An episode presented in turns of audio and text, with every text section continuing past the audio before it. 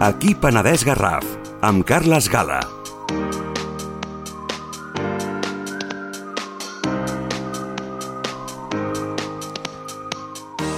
Molt bon dia, comencem l'equip Penedès Garraf d'avui divendres 13 d'octubre del 2023. Com sempre, cada divendres també anem a Odeon Multicines Vilanova, on coneixerem la cartellera d'aquesta setmana. Endavant!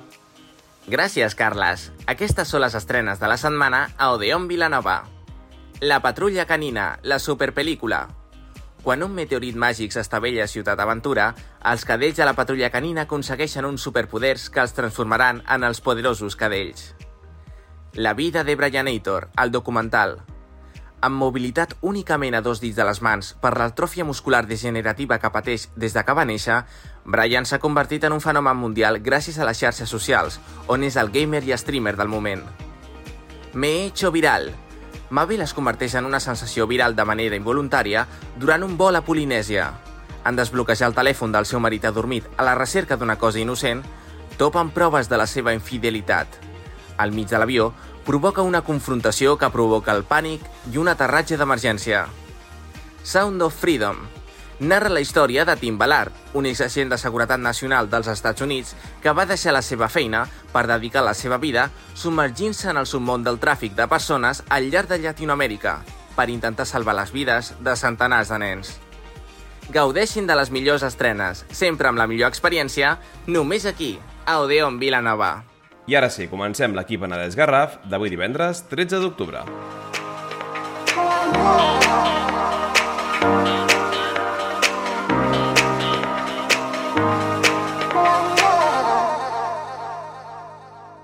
I obrim l'equip Penedès Garraf i anem ara fins a Vilanova i la Geltrú i avui parlarem amb el seu alcalde, en Juan Luis Ruiz López, alcalde del PSC, que després de les eleccions municipals doncs ara està al capdavant del consistori vilanovi. Juan Luis, eh, molt bon dia. Hola, molt bon dia. Moltes gràcies per, per, per aquesta entrevista. Alcalde, explica'ns una miqueta eh, en quina situació ens trobem ara mateix a Vilanova i la Geltrú, fa poquet que esteu al govern, quines són ara mateix diguem-ne els temes que teniu sobre la taula? A veure, eh, hem trobat una situació econòmica complicada, no? però jo, malgrat això, vull ser optimista també. No? És veritat que hem trobat una ciutat doncs, amb moltes, moltes mancances, amb un espai públic molt deixat, molt deteriorat, eh, amb un contracte de recollida d'escombraries que fa 5 anys que està prorrogat, amb un contracte de la jardineria que fa també uns anys que està prorrogat, amb un servei de neteja doncs, eh, que no és l'òptim, no? eh, i per tant amb una situació una mica preocupant des d'aquest punt de vista. No? Però bé, jo vull ser optimista, no? en tot cas en aquests 100 dies ja hem pogut doncs, eh, ampliar doncs, la neteja viària, la recollida no? d'escombraries, tot just ara comencem la renovació de l'enllumenat públic, per tant, nosaltres em dic que l'espai públic seria una de les nostres prioritats i així ho és. No?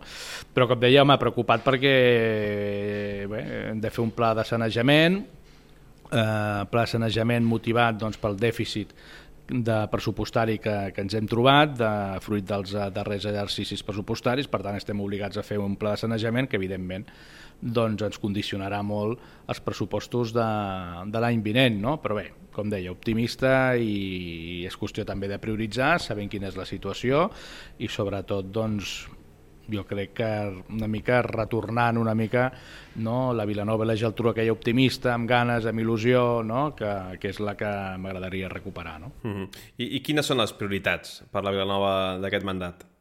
Uh, com et deia, l'espai públic serà una de les prioritats perquè al final l'espai públic també són polítiques socials perquè és l'espai de convivència on ens relacionem no?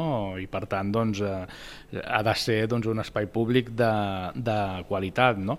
I després, evidentment, des del punt de vista més de polítiques socials, home, el que ens preocupa molt és la situació derivada encara de la pandèmia, que hi ha certs sectors de població doncs, que malauradament encara no s'han pogut eh, recuperar. Ens preocupa també la situació de desnonaments que hi ha a la nostra ciutat. D'aquí a final d'any doncs, que nosaltres sapiguem hi haurà uns 42-43 desnonaments. No? Per tant, nosaltres aquí intentarem també aturar aquests desnonaments perquè sobretot a, a, per aquelles famílies que estan ocupant un pis per una qüestió de necessitat, amb fills que no són conflictius, que no són delinqüents, no?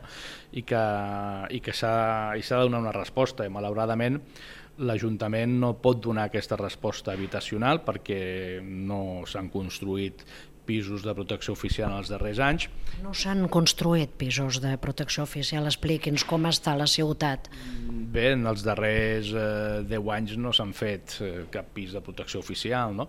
De fet, serà una, també una de les nostres prioritats i fa poc vam signar, vaig signar ja un conveni amb el Ministeri i amb la Generalitat per poder impulsar 196 pisos de protecció oficial en els propers anys a Vilanova. Eh, no són la solució, però són 196 que ara mateix no existeixen i que per tant podrem donar eh, solució i resposta a 196 famílies no? doncs que estan en situació doncs, de dificultat. Per tant, l'habitatge des del punt de vista de la política social serà una de les nostres prioritats. Mm, I entenc que la joventut, no? la joventut, les famílies vulnerables que no tenen accés a habitatge, entenc que, com deies, això és una de les principals prioritats, però què més hem de fer a la ciutat perquè tampoc acabin de marxar, no? que, que funcioni tot plegat?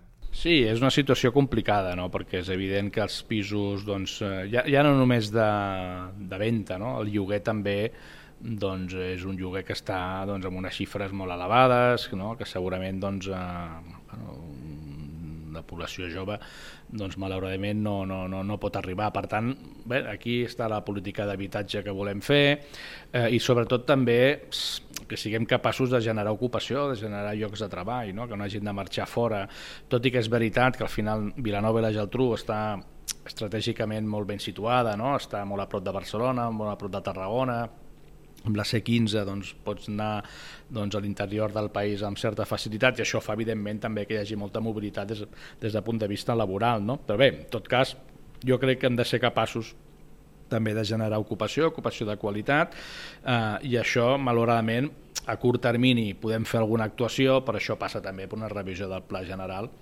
i amb això també ens hi posarem. Mm. Fem també una radiografia a nivell econòmic de Vilanova. En aquests moments entenc que el sector serveis és el principal, però, però com està la indústria, el servei, en aquests moments com està el sector econòmic de, de la capital del Garraf?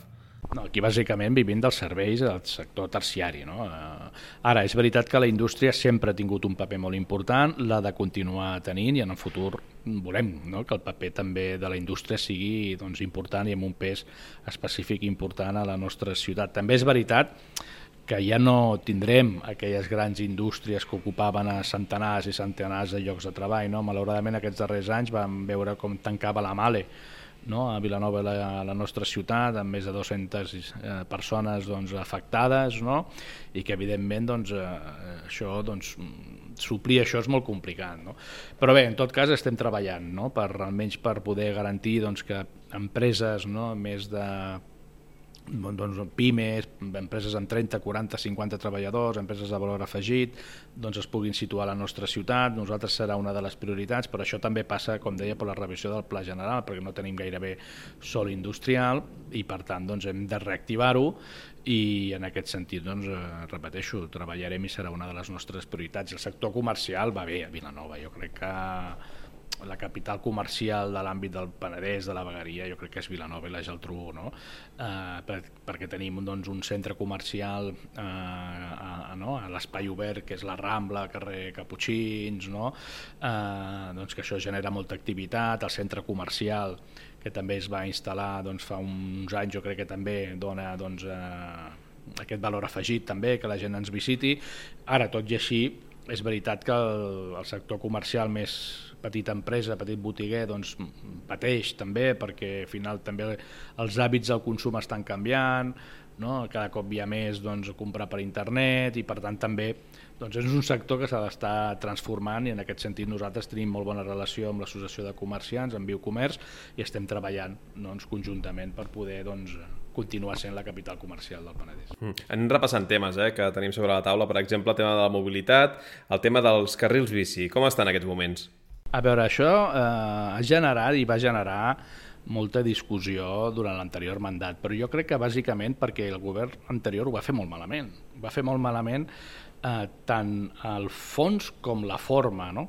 Eh, clar, és que l'anterior govern va demanar 3 milions i mig de fons Next Generation per fer carrils bici carrils bici que no estaven planificats, que no estaven en el pla de mobilitat, que no estaven en el pla general. Per tant, de pressa i corrents es van haver de no diria inventar, però sí, vinga, de fer carrils bici, en carrers que, que repeteixo, no, havia de, no estava projectat un carril bici, sense cap mena d'informació, sense cap mena de comunicació, no es va parlar amb els veïns, no es va parlar amb els restauradors, no es va parlar amb els comerciants, i això va generar molta confusió, no? ni, ni planificat, ni tan sols parlat, amb la resta, diguéssim, dels agents i veïns que hi viuen al barri, que tenen activitat econòmica i que, per tant, és a dir, destruir centenars places d'aparcament de cotxe sense donar una alternativa, això és un problema en una ciutat com Vilanova, no?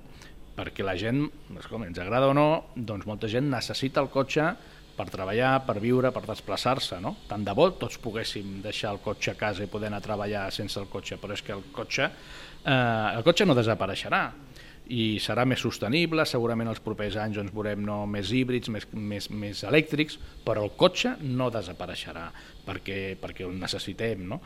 I, I jo crec que aquí va ser el gran error. No? Nosaltres ja hem dit que hi ha determinats carrils bici que estaven projectats per l'anterior govern que va generar molta, molta confusió i molta divisió que en tot cas nosaltres aquests els tenim aturats perquè a més a més anaven lligats a un aparcament que no es podrà fer i que per tant no podem eliminar centenars de places d'aparcament al centre de la ciutat sense donar una alternativa. No? Ara, eh, nosaltres seguim apostant per una mobilitat sostenible no? i per això volem fer un nou pla de mobilitat sostenible i sobretot reforçar el transport públic perquè mm, bé, el transport públic malauradament a Vilanova ara mateix doncs, és molt deficitari no? i per tant els propers anys volem augmentar aquest transport públic i, i, i, i en tot cas doncs, incentivar aquesta mobilitat més sostenible, no? però sense oblidar que tampoc pots fer una guerra al cotxe perquè em sembla que és un error, no? perquè la gent el necessita per viure, per treballar, per desplaçar-se. No? Sí, sobretot molt de consens i sobretot molt d'explicar.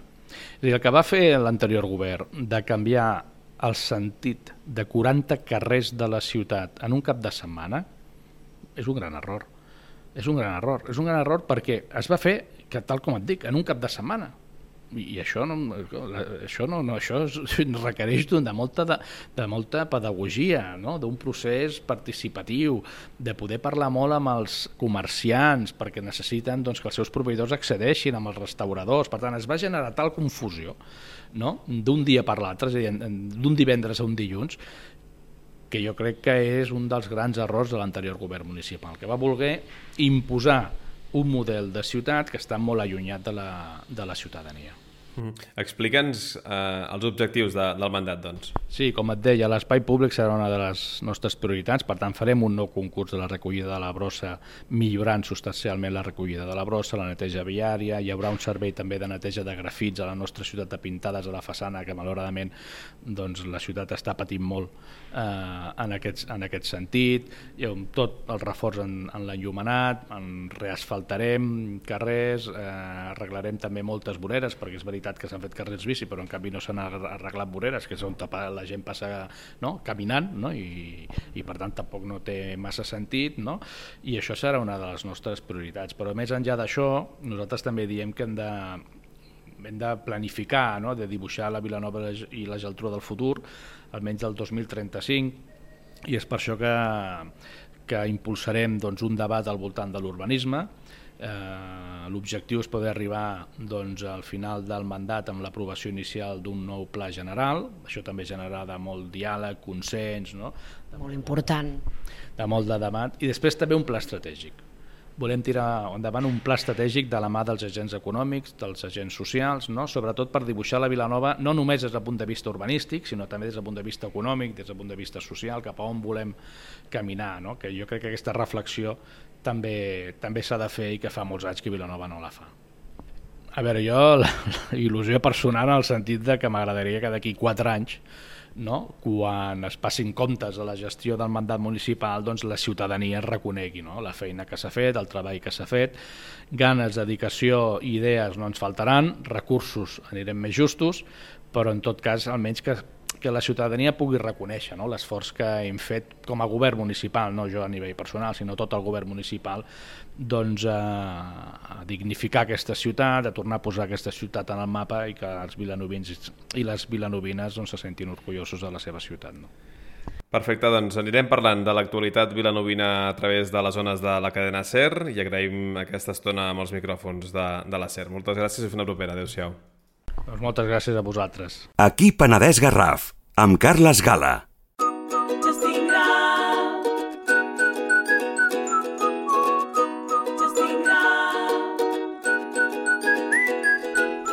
I avui a l'espai de Gestingral el que faré primer és anar fins al Departament Laboral amb Rosa Juárez, que ens recorda una informació important.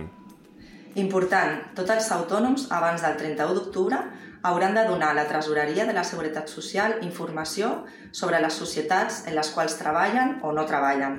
És important deixar clar que s'ha de donar informació tal com el CIF, dades de la societat, tots els autònoms que estan en ella, siguin societaris, treballadors eh, i tot, tot el que té a veure amb aquesta societat. És important remarcar que la data límit és fins al 31 d'octubre. Si necessiteu qualsevol ajuda o necessiteu més informació, estem a la vostra disposició.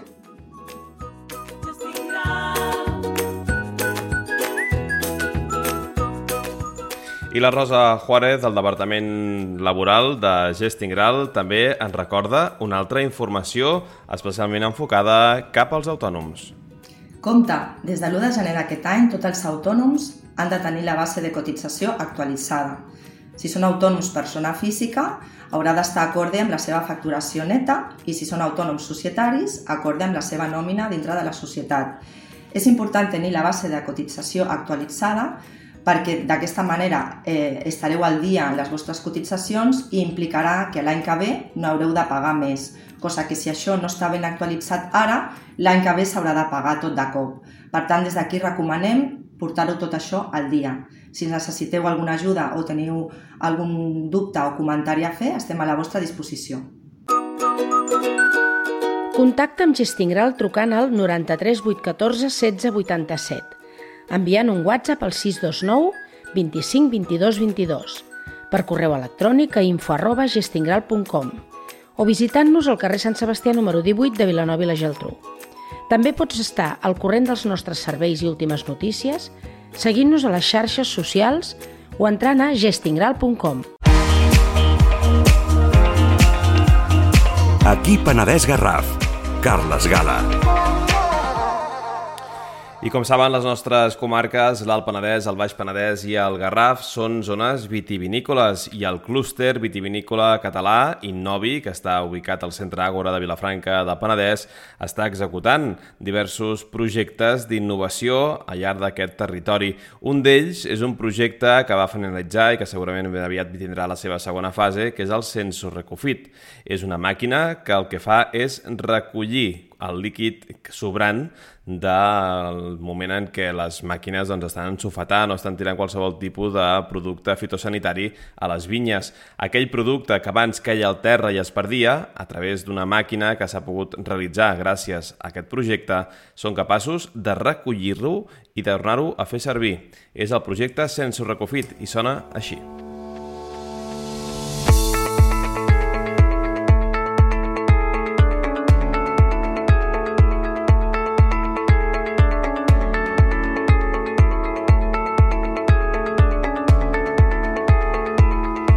Salva Galimany, director tècnic de SAER. Cada vegada més hi ha una necessitat per part dels agricultors d'estalviar productes fitosanitaris, d'estalviar aigua, al final d'estalviar costos, i això ha fet que hagi sortit la necessitat de fer màquines que, que recuperin part d'aquest producte fitosanitari i d'aquí ha sortit la idea de construir aquest prototip uh, d'un nebulitzador equipat amb panells recuperadors de producte. En un atomitzador convencional, el producte que es polvoritza i que no queda a la planta es perd, ja sigui per deriva en l'aire o per escorriment cap a terra, i en canvi aquesta màquina eh, està equipada amb uns panels eh, que fan que el líquid que no es queda en la planta es, es recuperi, es reculli en una cassoleta sota el panel i es pugui re, reutilitzar a tornar-lo a enviar dins del dipòsit.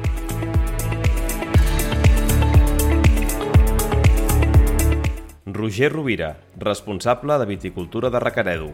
L'interès que té Recaredo, sobretot en el projecte, és donar mà doncs, conèixer de primera mà el que serien les noves tecnologies aplicades, en, sobretot en el que és aplicació de fitosanitaris, doncs és un tema que avui en dia és molt important, tota la normativa europea va cap a la reducció de l'ús d'aquests fitosanitaris, sinó que al final el que estem fent quan fem una aplicació és aportar doncs, un insum, en aquest cas nosaltres doncs, podria ser el coure, per exemple, no?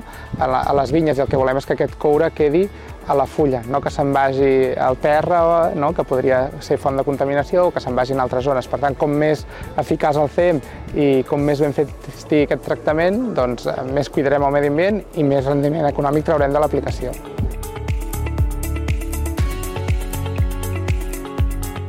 Xavier Blasco, director de Guàtic. Hi ha dues parts eh, a l'hora d'automatitzar aquesta maquinària. Una és la part eh, hidràulica. Hem instal·lat uns, uns sensors perquè l'apertura i el tancament dels panells sigui de forma automàtica a l'entrar i sortir del, de la filera de la vinya. Per un altre cantó, eh, apliquem eh, segons el volum desitjat pel, per l'agricultor o pel tècnic i controlem la part de, que s'està recuperant. Aquests panells recuperadors recuperen una part del líquid, la quantifiquem i la mostrem a l'usuari i ho registrem, eh, geolocalitzem l'aplicació i registrem aquesta recuperació metre a metre a la, a la vinya. Frank Garcia, investigador de la UMA UPC. Com a conclusions generals del, del projecte, veiem que amb una sensorització mínima eh, de, la, de la màquina doncs, eh, podem tenir un salt bastant important en el que és el control de, de la gestió de l'aplicació de fitosanitaris. En aquest cas, doncs, eh, eh, implantant sensors amb un cost eh, bastant, bastant assequible, eh, el que podem fer és tenir control punt per punt de com ha estat treballant la màquina eh, durant, la, durant la, el treball d'aplicació de fitosanitaris. El que fa això és eh, tenir una millor, eh, un millor coneixement de, i control de com ha sigut l'aplicació i, i, i amb, un, amb un fi eh, últim, que és, eh, és sempre tenir unes aplicacions més sostenibles, eh, més efectives eh, en, en la lluita de la, de la malaltia i també que les nostres decisions puguin estar sempre basades en dades i poder tenir aquesta, aquesta traçabilitat documentada que ens permeti sempre doncs, a, a millorar, millorar les, les feines que fem a camp.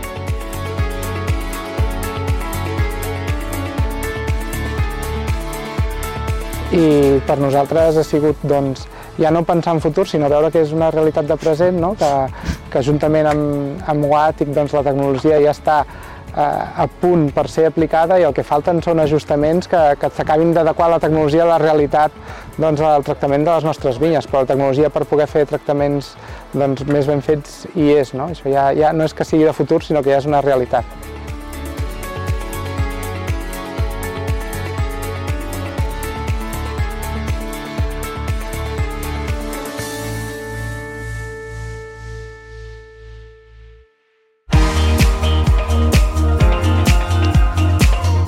Penedès Garraf. Carles Gala.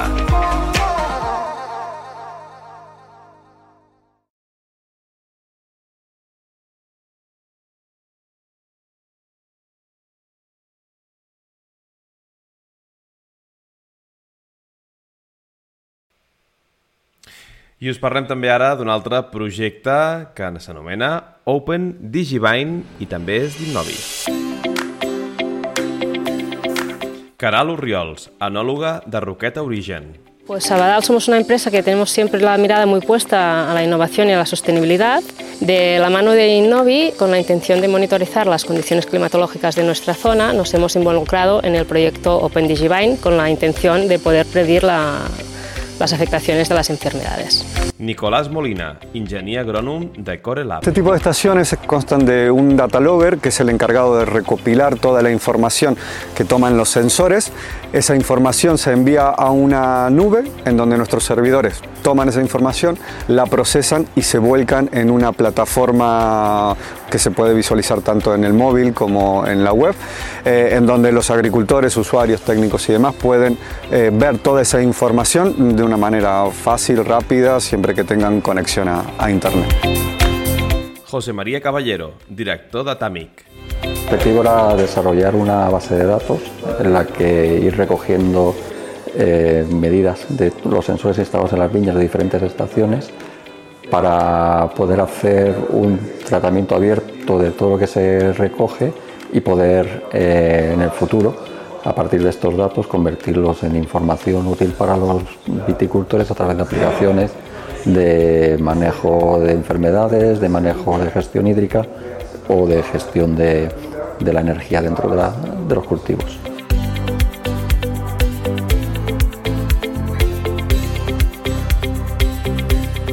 poder conocer mucho mejor las condiciones climatológicas que condicionan esta enfermedad y, poder adaptarnos a mucho mejor los tratamientos. Entonces, pues podremos hacer una gestión mucho más sostenible de los tratamientos fitosanitarios y, y reducir las aplicaciones porque estaremos a, actuando con conocimiento de causa. Enric Sunyer, responsable de Canvi Projecte Ambiental de Han Altés. Nos da información objetiva sobre la meteorología, las condiciones meteorológicas in situ, en la propia finca.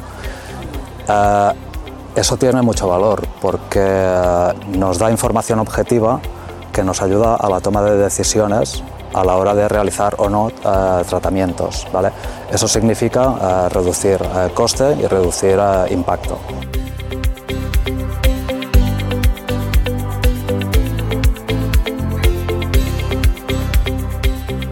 Lo que, el interés que tienen las, bodegas es poder tener un panorama amplio, no solamente de, las, de, su, de su zona, sino también de zonas adyacentes, para tomar mejores decisiones en base a, mayor número de datos.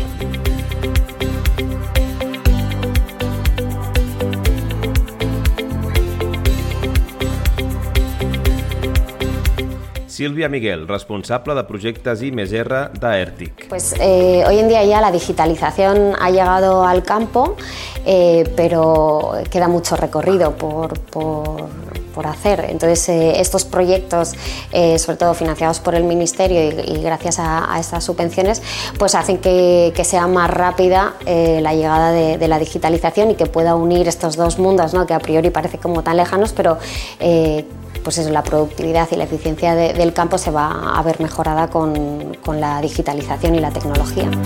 Víctor Tirado, Innovation Manager de Cluster Innovi. Nosotros desde Innovi valoramos muy positivamente este proyecto, sobre todo porque por una parte damos eh, al final resultados eh, rápidos y a corto plazo a, nuestros, a la mayoría de nuestros asociados, pero también nos permite tener una visión de futuro eh, con esta base de datos en abierto que nosotros no solo lo trabajamos para este proyecto, sino para nosotros es un proyecto estratégico en el cual veremos eh, cómo podemos eh, ponerla a disposición del sector, eh, añadir a más bodegas que se puedan también añadir a esta base de datos en abierto y por tanto enriquecerla con más datos.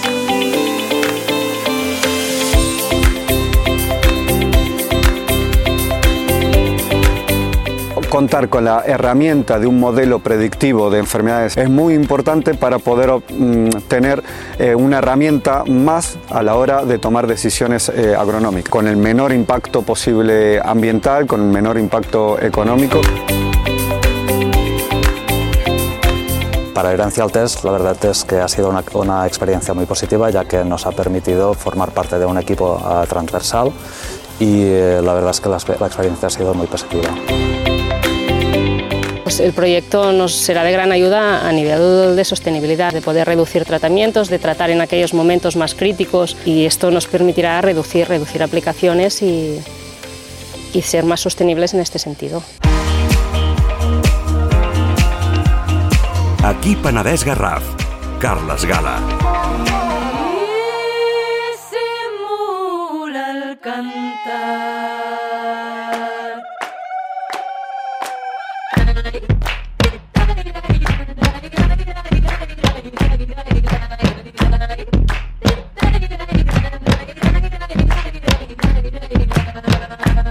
I avui anem a parlar d'un espectacle que aquest passat dissabte feia la seva presentació a Gelida, tot i que prèviament s'havien fet algunes estrenes a altres indrets, però aquesta vegada al Penedès arriba un espectacle que ha fet l'Esbarro Casagna, que és l'espectacle Era, i teníem nosaltres el Jordi Rossell, que és el president de l'Esbarro Casagna. Jordi, bona tarda. Hola, molt bona tarda. Jordi, explica'ns a grans trets eh, què és, perquè jo l'acabo de veure aquest espectacle, suposo que és complicat explicar-ho, però explica'ns a grans trets què és l'espectacle Era. Ostres, uh, difícil d'explicar en breu, eh? però l'espectacle era és vam voler fer un espectacle de carrer, baixar de l'escenari i fer un espectacle de carrer. Vam demanar eh, suport a la Fira Mediterrània i al Pla d'Impuls de Dansa d'Arrel per que ens ajudessin, a partint de la tradició, de la tradició de l'esbar, de la tradició de la, de la dansa popular catalana, de lo que sempre hem fet, doncs baixar al carrer i buscar eh, una evolució molt més contemporània, més moderna, més... I ens vam posar en contacte amb el Quim Vigues, que és un coreògraf que justament fa dansa de carrer i dansa urbana, i hem fet un maridatge. I entre això i la improvisació, la creació que hem fet amb molts, molts, molts assajos amb els dansaires, han anat, anant creant materials nous que evolucionant els passos de la dansa tradicional han arribat a fer unes peces de material que totes ensemblades, ben trenades i ben eh, conjuntades han acabat creant aquest, aquest espectacle. Mm. Un espectacle que hem pogut veure ara mateix aquí a Gelida, per exemple, que es fa enmig d'una plaça, sense escenari, sense il·luminació, sí que hi ha música, no? Correcte, com deia, hem volgut baixar de l'escenari, nosaltres normalment fem dansa escènica, dansa d'arrel però escènica, hem volgut baixar de l'escenari a terra, perquè els dansaires volien estar molt, molt a prop de, del públic que els hi agrada. És, eh, hem ballat. Avui, hem fet al Parc de les Escoles Velles de Gelida, eh, i els altres cops hem fet també en, en places, i la idea és aquesta, és un, un ball de plaça, de carrer, perquè el públic estigui a peu dret, al voltant dels dansaires, que els dansaires trenquin la barrera eh, del públic, es puguin creuar amb el públic, puguin interpel·lar-lo amb la mirada, si el públic eh, inclús es belluga amb el ritme de la música, el públic està molt, molt dins de l'espectacle. I aquest era el repte pels dansaires, perquè normalment actues dalt d'un escenari amb uns focus, amb una distància, i tu estàs allà i el públic està baix i quasi no el veus amb els focus, no? Mm, molt emotiu per aquella gent que pugui anar a veure'l. Jordi, moltíssimes gràcies i fins la propera. Moltíssimes gràcies a vosaltres. I seguim en aquesta estrena de l'espectacle Era de les Barroques Agna i ara tenim a, un de, a una de les peces d'aquest espectacle que és el músic Gavi Cas. Gavi, bona tarda. Bones. Uh, has fet una de les peces, una de les cançons d'aquest espectacle, si no m'equivoco. Correcte, sí, la, la que tanca l'espectacle. I que sona així. És vespre. Camino sense pressa. Els peus ja fan la seva. Coneixen el camí. I diuen que ja no sóc qui era quan la nit em cega. Jo torno fins aquí. Temps sobre la pell. Passen els anys entre ciment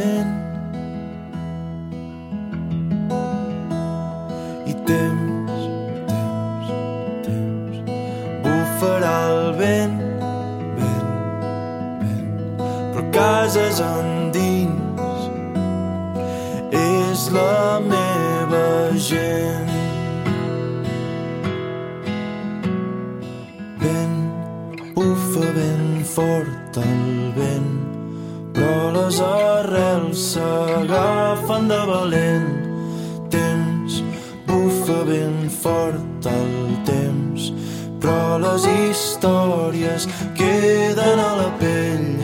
Ah, ah,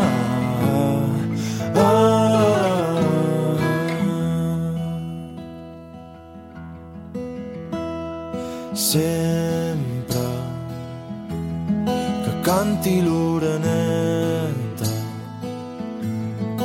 recordaré l'àvia però no em posaré trist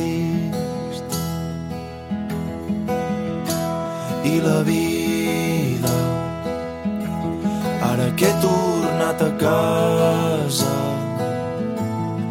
encara és complicada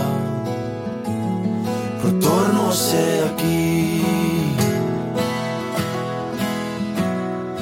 Vent bufa ben fort el vent però les arrels s'agafen bufa ben fort el temps. Penes i glòries és indiferent. Vent, bufa ben fort el vent, però les arrels s'agafen de valent. Temps, bufa ben fort el temps. Ah, ah, ah. I aquesta peça com va sorgir? Doncs eh, em va trucar una de les dansaires, la Laia Morai, i em va dir que estaven fent aquest nou espectacle eh, gràcies a la beca eh, que va guanyar l'Esbart i em va dir que el director buscava algú de Gelida per fer una peça musical que tanqués l'espectacle i jo m'hi vaig apuntar, doncs eh, em vaig apuntar de cop, no, o sigui, vaig, no vaig dubtar, llavors eh, el director em va enviar tot d'àudios, de WhatsApp i escrits dels dansaires que li havien enviat a ell, molt personals, sobre què significava per a ells la paraula casa, i em va dir que m'inspirés en això per fer la cançó, que fos una cançó eh, íntima, propera, eh, per tancar, no? O sigui, per, per, per acabar... Eh, en paraules textuals de, del Quim Vigues, del director, era per acabar mirant al cel i somrient i pues, d'aquí va sortir temps i em va agradar moltíssim l'experiència i tot plegat. Perquè suposo que has vist les reaccions de la gent no? davant de la cançó. No sé si acaben mirant al cel i somrient, però emoció n'hi ha, eh? Sí, sí. Sí, sí, molta, molta. És, és molt fort.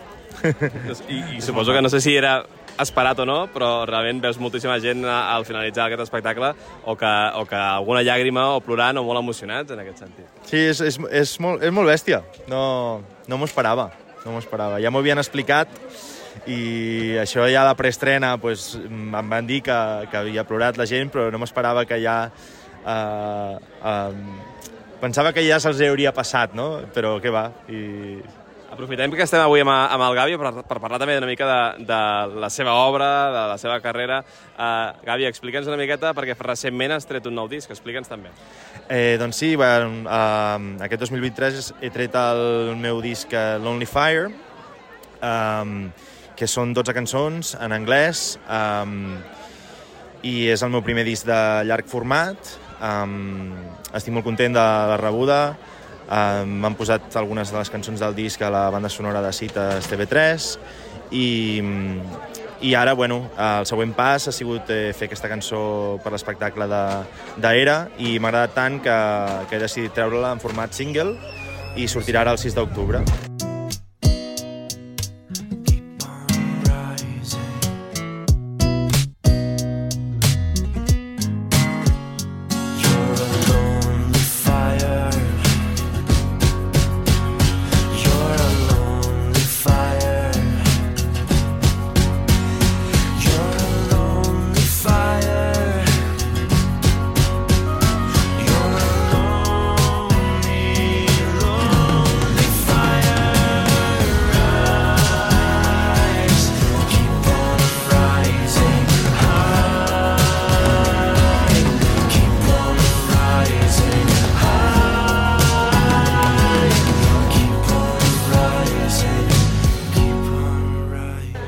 Cançons com aquesta, com surt la idea? És a dir, d'on treus d'aquesta lletra, aquesta música, aquesta melodia?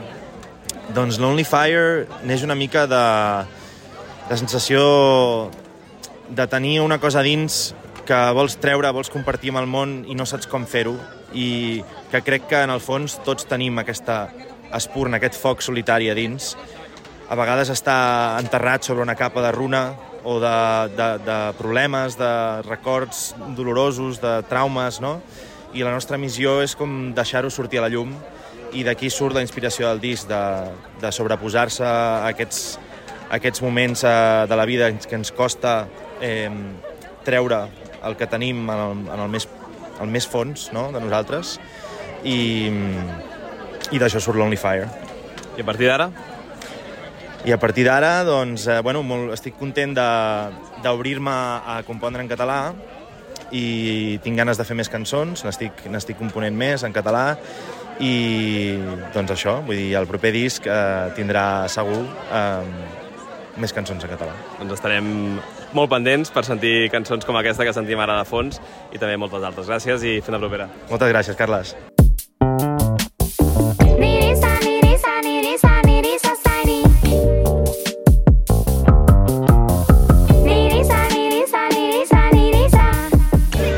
Parlant d'aquest espectacle que estrenàvem aquest cap de setmana a Gelida i parlem amb el seu, diguem coreògraf, amb Quim Vigues. Quim, bona tarda. Bona tarda. Quim, explica'ns molt ràpidament eh, com va sorgir aquesta idea, com ajuntar, diguem-ne, la dansa contemporània amb la dansa més tradicional d'unes bar com les barroques d'Agna. D'on sorgeix aquesta primera idea? Bueno, jo crec que ve de passar temps amb elles a l'estudi de, de, fer, de provar, per exemple, d'aprendre amb danses seves o de, o de proposar com diferents coses que elles van anar portant llenguatge i a partir d'això doncs, jo vaig anar agafant com associacions també, no? i aquestes associacions em portaven a, a seguir teixint coses.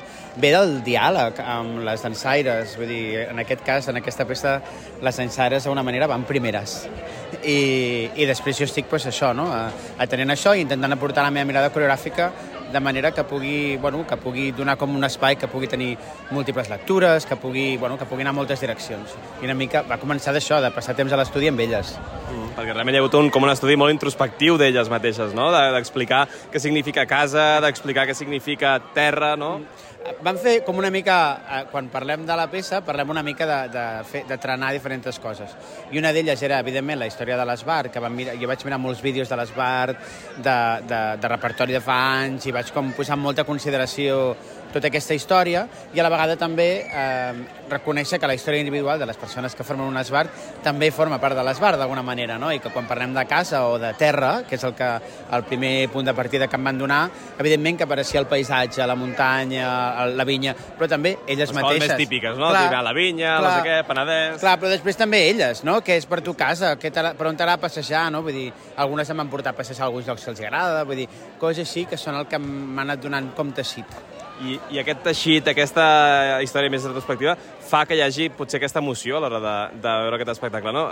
Jo sóc gelidenc, he vist molts cops les barroques Agna, aquesta vegada veient-lo d'aquesta manera eh, toca algú de dins seu que, que no estem acostumats, no? No, bueno, també és això, que, que molta gent quan es pensa que veu un esbart veu una representació d'algú que és històric i que d'alguna manera no, no apela no, a l'individu, apela al col·lectiu, però no a l'individu, no?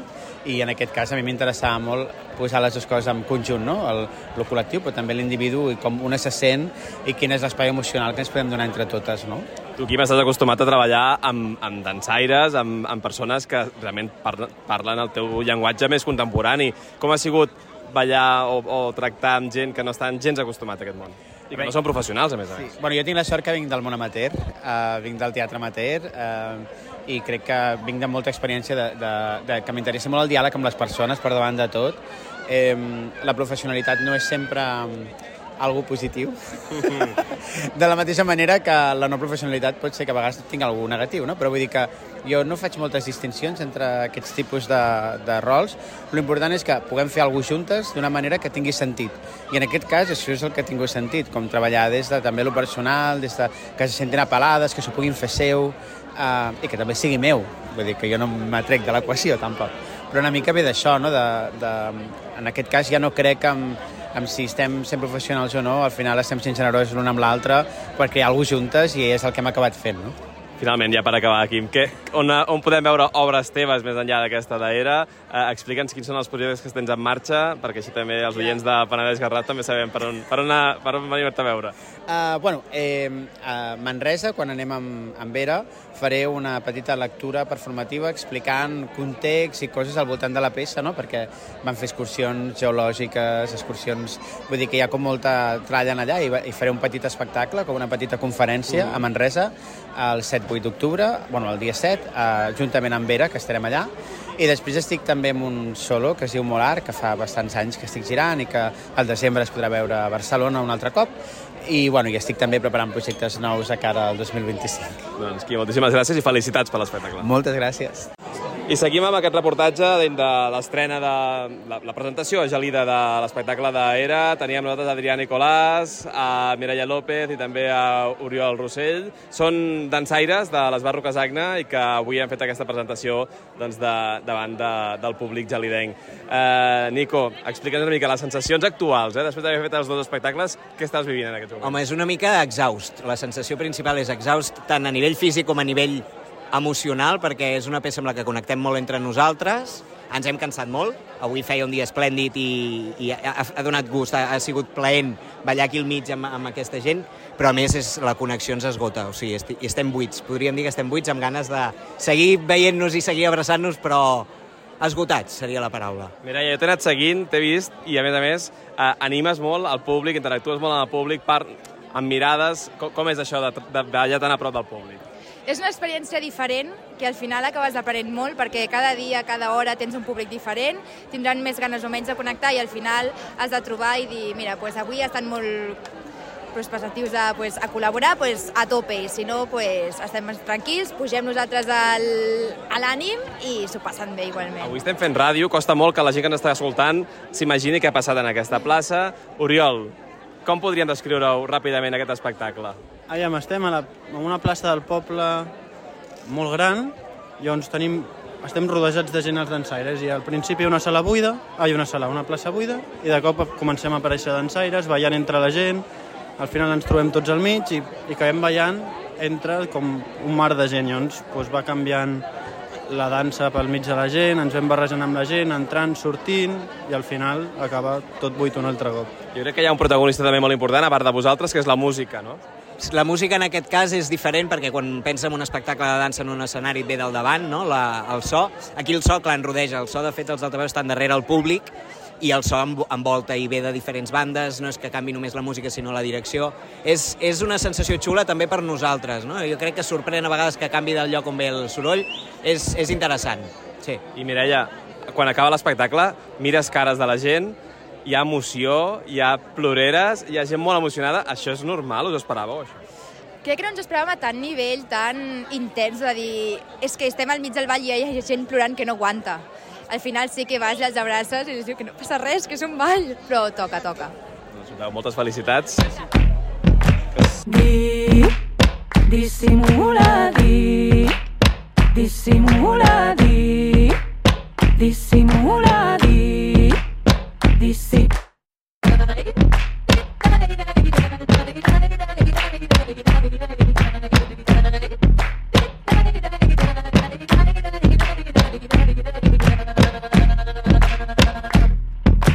pasas por mi casa a medianoche, detrás de la ventana, mozo, ahí estaré, viendo cómo el silencio me da placer, dejando que te vayas sin tu pastel. Di, disimula, di, disimula, di, disimula, di, disimula, di, disimula, di. Dissimula di, dissimula di, dissimula di, dissimula di, dissimula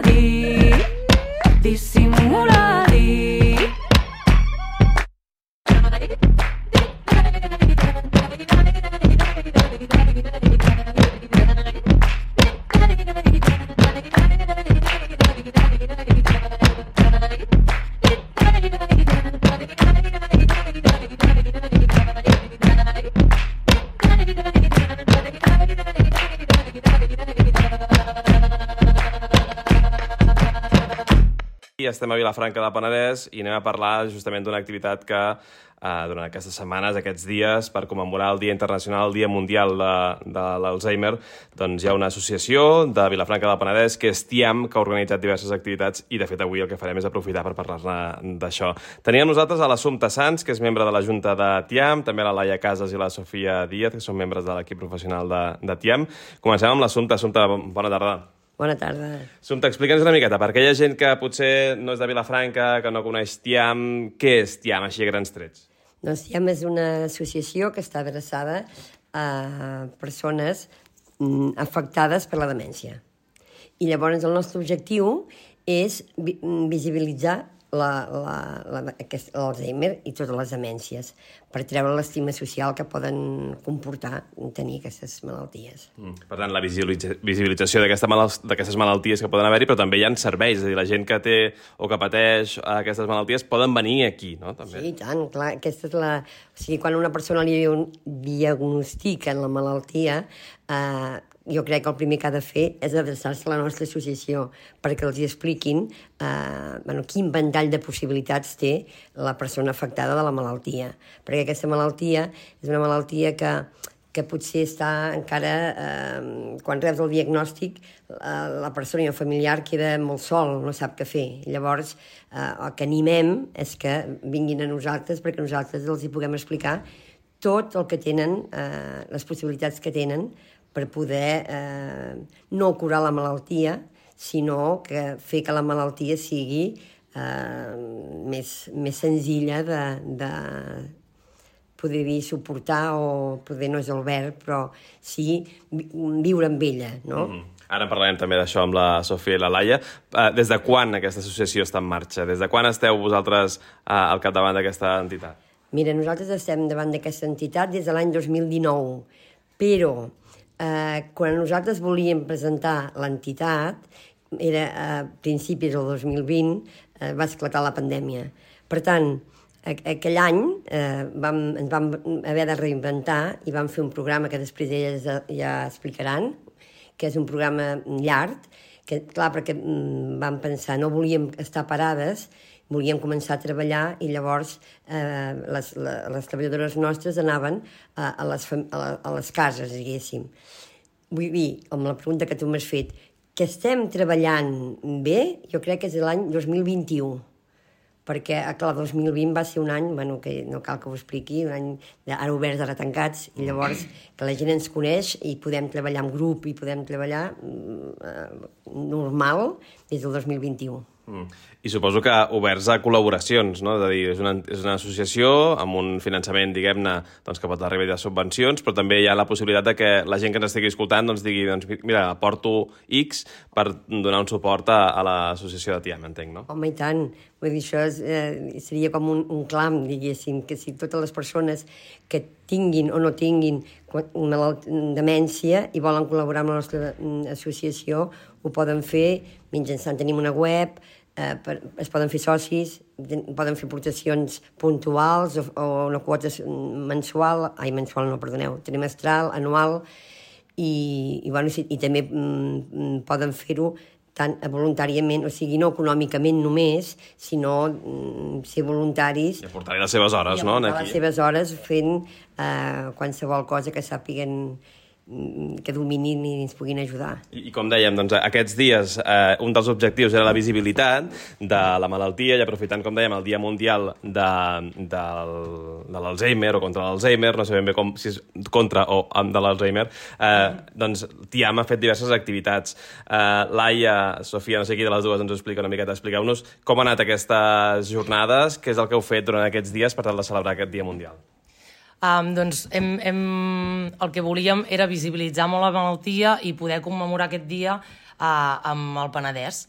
Llavors, una de les coses que hem fet és uh, oferir als ajuntaments i convidar a que, que commemorin aquest dia, oferint dues xerrades a nivell de prevenció. Una uh, enfocada més al, al benestar emocional i l'altra més a la part de nutrició. Llavors, eh, hi ha hagut set ajuntaments que han participat d'aquesta iniciativa i s'han fet des del 15 de setembre, més o menys fins al 15-18 d'octubre. Llavors, eh, hem regalat als ajuntaments unes pancartes per poder visibilitzar la malaltia i en aquestes pancartes, juntament amb, amb unes que hem penjat aquí a Vilafranca, eh, hem creat una imatge amb la Roser Blanc, que és fotògrafa d'aquí a Vilafranca, i la Mariona Riós, il·lustradora, i ha sortit una imatge molt bonica amb el lema Obrim el cercle hi ha tot un món. Una miqueta el missatge era obrir el cercle d'aquestes famílies perquè cada vegada amb la malaltia es va fent més petitó i llavors, bueno, com que tota la societat no, obrim una miqueta les portes i, i siguem més empàtics i fem que ells també puguin fer com es diu així, vida en societat, no? Mm. Comentaves que fins a mitjans d'octubre hi ha activitats. Eh, Recorda'ns fins ara què és el que encara podem anar, és a dir, quines activitats podem anar des d'ara fins, fins la setmana que ve o fins al dia 15. Que... I després ens queda a Sant Martí Sarroca el 18 d'octubre a les 6 de la tarda una de benestar emocional i el 10 d'octubre la Granada a les 6 de la tarda. Mm. Tot això ho, ho tenim penjat a xarxes, també.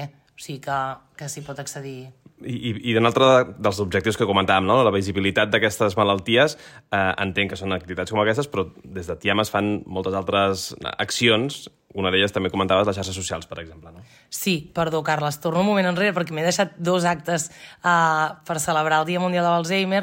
Un d'ells era que oferíem una campanya de valoracions uh, cognitives gratuïtes i l'altre era una conferència que va passar ahir de la doctora Mercè Boada um, a l'Auditori del Vinzeu. Que va ser un èxit, no? Ara t'anava a dir que sí, que sí, que la valoració és molt positiva, crec que per part seva també, i, i res, que estem molt contents. I referint a això, com deies, de les xarxes, doncs sí, tenim Instagram i tenim Facebook, tenim un canal de YouTube que hem anat penjant algunes xerrades que hem anat fent i la nostra pàgina web, que és tiam.cat, que, que hi podeu accedir, allà mm. tenim més informació. I, I per què és important visibilitzar aquesta malaltia? Bueno, justament per això que dèiem, no? que és una malaltia que encara s'amaga una mica i, i és important perquè hi ha molta gent que la pateix, hi ha moltes famílies afectades i, i moltes vegades estan com perdudes, no?, de, de que no saben... I el que fem és com tancar-nos a casa, no?, i no, no, al contrari. És important visibilitzar-la perquè si la visibilitzem fem que la persona afectada o la persona que té la malaltia pugui sortir, socialitzar, anar a comprar, no? doncs e, és important perquè tothom sigui conscient de la malaltia, empatitzar amb que potser a la cua del súper hi ha una, una persona que té algun algun dèficit o alguna malaltia i empatitzem una miqueta, calma, no? I que una miqueta per això. Fer-los la vida en realitat fàcil i que puguin fer el que nosaltres fem. Mm -hmm. I tenim a la Sofia també. Sofia, eh, hi ha aquesta part de visibilitat, però hi ha la part també de servei. És a dir, des de TIAM també es dona servei a la gent que està patint algun tipus de trastorn eh, de malaltia, eh, de demència o de qualsevol altra malaltia, sigui Alzheimer o sigui qualsevol altra. Explica'ns a grans trets Quins són els serveis que està oferint avui TIAM? Per què hem de venir aquí, que estem a l'escorxador, de fet? Hola, Carles. Sí, com deia l'assumpte, el primer servei seria aquest d'assessorament, que és totalment gratuït per tota la ciutadania i que poden venir en qualsevol moment de, de la malaltia o de la demència. No cal que hi hagi un diagnòstic. També quan hi ha dubtes ja sobre l'estat cognitiu poden venir. A banda d'això, oferim tractaments no farmacològics, eh, estimulació cognitiva, emocional i físic-funcional, no només a nivell individual, que això ho podem fer tant aquí a l'escorxador de Vilafranca com al domicili de la persona, Uh, com en grup també. Uh, dos dies a la setmana oferim grups d'estimulació on intervenen diferents professionals. Um, abans de que, de que comencin qualsevol d'aquests tractaments, fem una primera valoració per valorar l'estat cognitiu i emocional de la persona i també les capacitats a nivell funcional que manté preservades. Mm. Fins a quin punt eh, encara és autònom o necessita ajuda en activitats de la vida diària. Um, a banda d'això, hi ha el programa llarg, com deia l'Assumpta. En aquest cas, uh, ens desplacem dos professionals al domicili i uh, atenem simultàniament a les dues parts del binomi, perquè el cuidador també és molt important. Llavors, no només oferim l'estimulació, sinó que podem fer suport psicològic al cuidador uh, familiar o no professional. Um, en aquest sentit, també oferim serveis psicològics de suport uh, individual i, i grupal per a cuidadors. Mm. I, I alguns dels serveis també es fan a, en municipis de la comarca, és a dir, eh, municipis que també ofereixen aquest servei a través de TIAM, no? Sí, exacte. Uh, ens, en, bueno, hem ofert uh, aquest programa que es diu FICA a diferents municipis uh, que han mostrat interès per poder fer aquest taller d'estimulació um, on poden accedir persones que encara no tinguin un diagnòstic però que també uh, puguem treballar el tema de l'aïllament social, no? de promoure la salut cognitiva des d'una altra banda i on també oferim suport psicològic. Mm. Hi ha frens, hi ha gent que potser està patint algun tipus d'aquesta malaltia, hi ha gent que fins i tot li deu fer cosa, no?, venir a un centre o venir a, a fer activitats amb vosaltres perquè ai que diran, ai que mm, no vull que la gent sàpiga que estic passant per això. Eh, entenc que superar aquesta barrera és important, perquè el fet de venir a fer aquest tipus d'activitats el pot ajudar, no? Totalment. Eh, hi ha molta por i encara es valora com un tabú no? entorn a la malaltia. Per això el que deien les companyes de visibilitzar, de treure estigmes, de... hem de poder parlar amb normalitat de, de l'Alzheimer i de qualsevol altra malaltia que generi una demència perquè al final mm, les xifres són les xifres i cada vegada hi ha més part de la població afectada i, bueno, mm, o estarem, ens veurem afectats per una demència o tindrem al nostre entorn una persona que, que ho està. Hem de poder normalitzar-ho i viure en comunitat eh, donant les facilitats que puguem. Mm. Aquestes activitats, venir aquí a fer aquestes sessions, tenen un cost, entenc, a, a preus, no sé, si són els que serien d'una empresa privada o d'un psicòleg més privat, o són preus més assequibles? Com som una associació, eh, la nostra idea és poder donar accessibilitat al servei a tothom. Eh, llavors hi ha serveis que sí que són gratuïts, com el d'assessorament o les valoracions cognitives que realitzem un cop d'any de manera gratuïta. Eh, la resta de serveis tenen un cost, però són preus assequibles. Mm. I com ens podem contactar? És a dir, un cop detectem o volem saber més informació, com ho fem?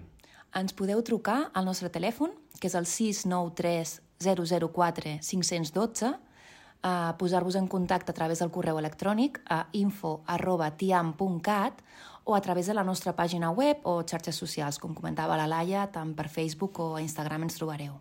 Perfecte.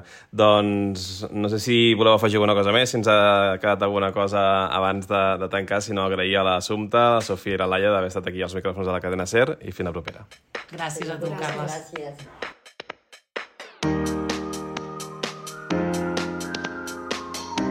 Aquí Penedès Garraf, amb Carles Gala. I tanquem l'equip Penedès Garraf d'avui divendres 13 d'octubre. Tornem la setmana que ve, el divendres a les 3 de la tarda, aquí, a la cadena SER Penedès Garraf. Bon cap de setmana. Adéu-siau.